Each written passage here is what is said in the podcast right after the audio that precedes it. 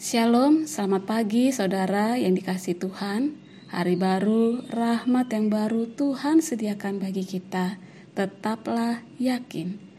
Firman Tuhan hari ini Mazmur 20. Doa mohon kemenangan bagi raja untuk pemimpin biduan Mazmur Daud. Kiranya Tuhan menjawab engkau pada waktu kesesakan Kiranya nama Allah Yakub membentengi engkau.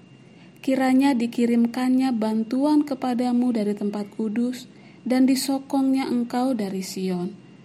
Kiranya diingatnya segala korban persembahanmu dan disukainya korban bakaranmu. Kiranya diberikannya kepadamu apa yang kau kehendaki dan dijadikannya berhasil apa yang kau rancangkan kami mau bersorak-sorai tentang kemenanganmu dan mengangkat panji-panji demi nama Allah kita. Kiranya Tuhan memenuhi segala permintaanmu.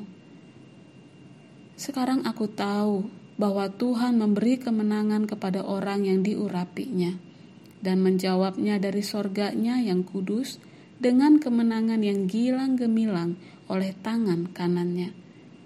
Orang ini memegahkan kereta, dan orang itu memegahkan kuda. Tetapi kita bermegah dalam nama Tuhan Allah kita.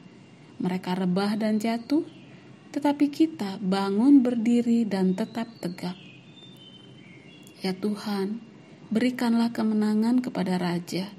Jawablah kiranya kami pada waktu kami berseru. Doa bagi pemimpin. 1 Timotius 2 ayat 2 menasehatkan kita untuk mendoakan para pemimpin agar hidup kita damai dan tenang. Memang Alkitab menyatakan bahwa kesejahteraan suatu bangsa terkait erat dengan pemerintahannya. Di bawah kepemimpinan yang lemah atau korup, negara akan sulit berkembang. Tetapi pemerintahan yang adil dan kompeten menghasilkan ketentraman dan kemakmuran. Dalam Mazmur 20 berbicara tentang hubungan antara raja seorang yang diurapi Tuhan dengan rakyatnya. Mazmur ini diawali dengan doa rakyat bagi keamanan dan keberhasilan raja mereka yang tampaknya akan pergi berperang.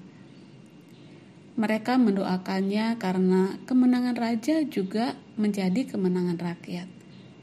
Ketika Tuhan mendengar doa-doa mereka dan mengaruniakan keberhasilan kepada raja, seluruh bangsa pun bersuka cita sebab mereka akan bangun berdiri dan tetap tegak.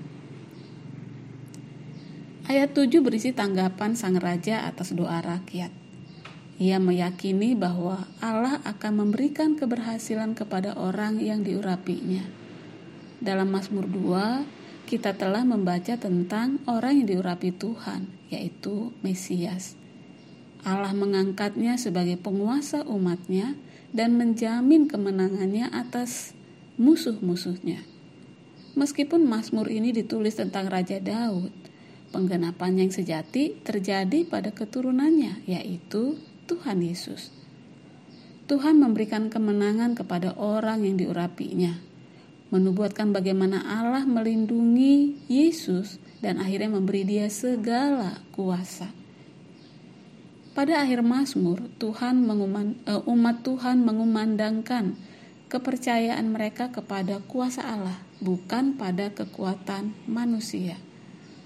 Nyanyian-nyanyian dalam kitab Wahyu seperti Mazmur 20 merayakan sukacita kemenangan raja. Namun sang raja sejati yaitu Yesus telah memenangi pertempurannya dengan cara disembelih. Orang-orang kudus di surga bersuka cita karena mereka turut menikmati kemenangannya. Engkau telah membuat mereka menjadi suatu kerajaan dan menjadi imam-imam bagi Allah kita dan mereka akan memerintah sebagai raja di bumi. Raja kita akan turun bertempur sekali lagi dan dengan memimpin tentara surga. Ia akan menghakimi dan berperang dengan adil karena dialah yang diurapi Tuhan. Kita tahu bahwa Allah akan memberikan kemenangan pada raja ini. Dia akan menjawab ketika kita berseru dalam doa. Datanglah ya Tuhan Yesus.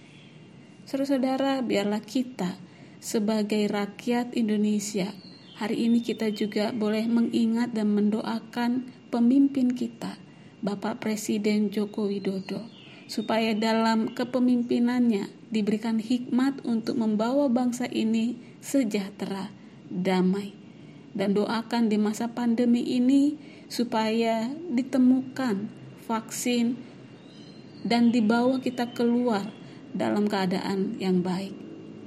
Saudara, doakan juga pemimpin rohani supaya dalam hikmat Tuhan dianugerahkan mereka untuk membawa kita menggembalakan domba-dombanya dalam pertolongannya supaya kita semakin bijak semakin setia kepada gembala agung kita. Tuhan memberkati. Amin.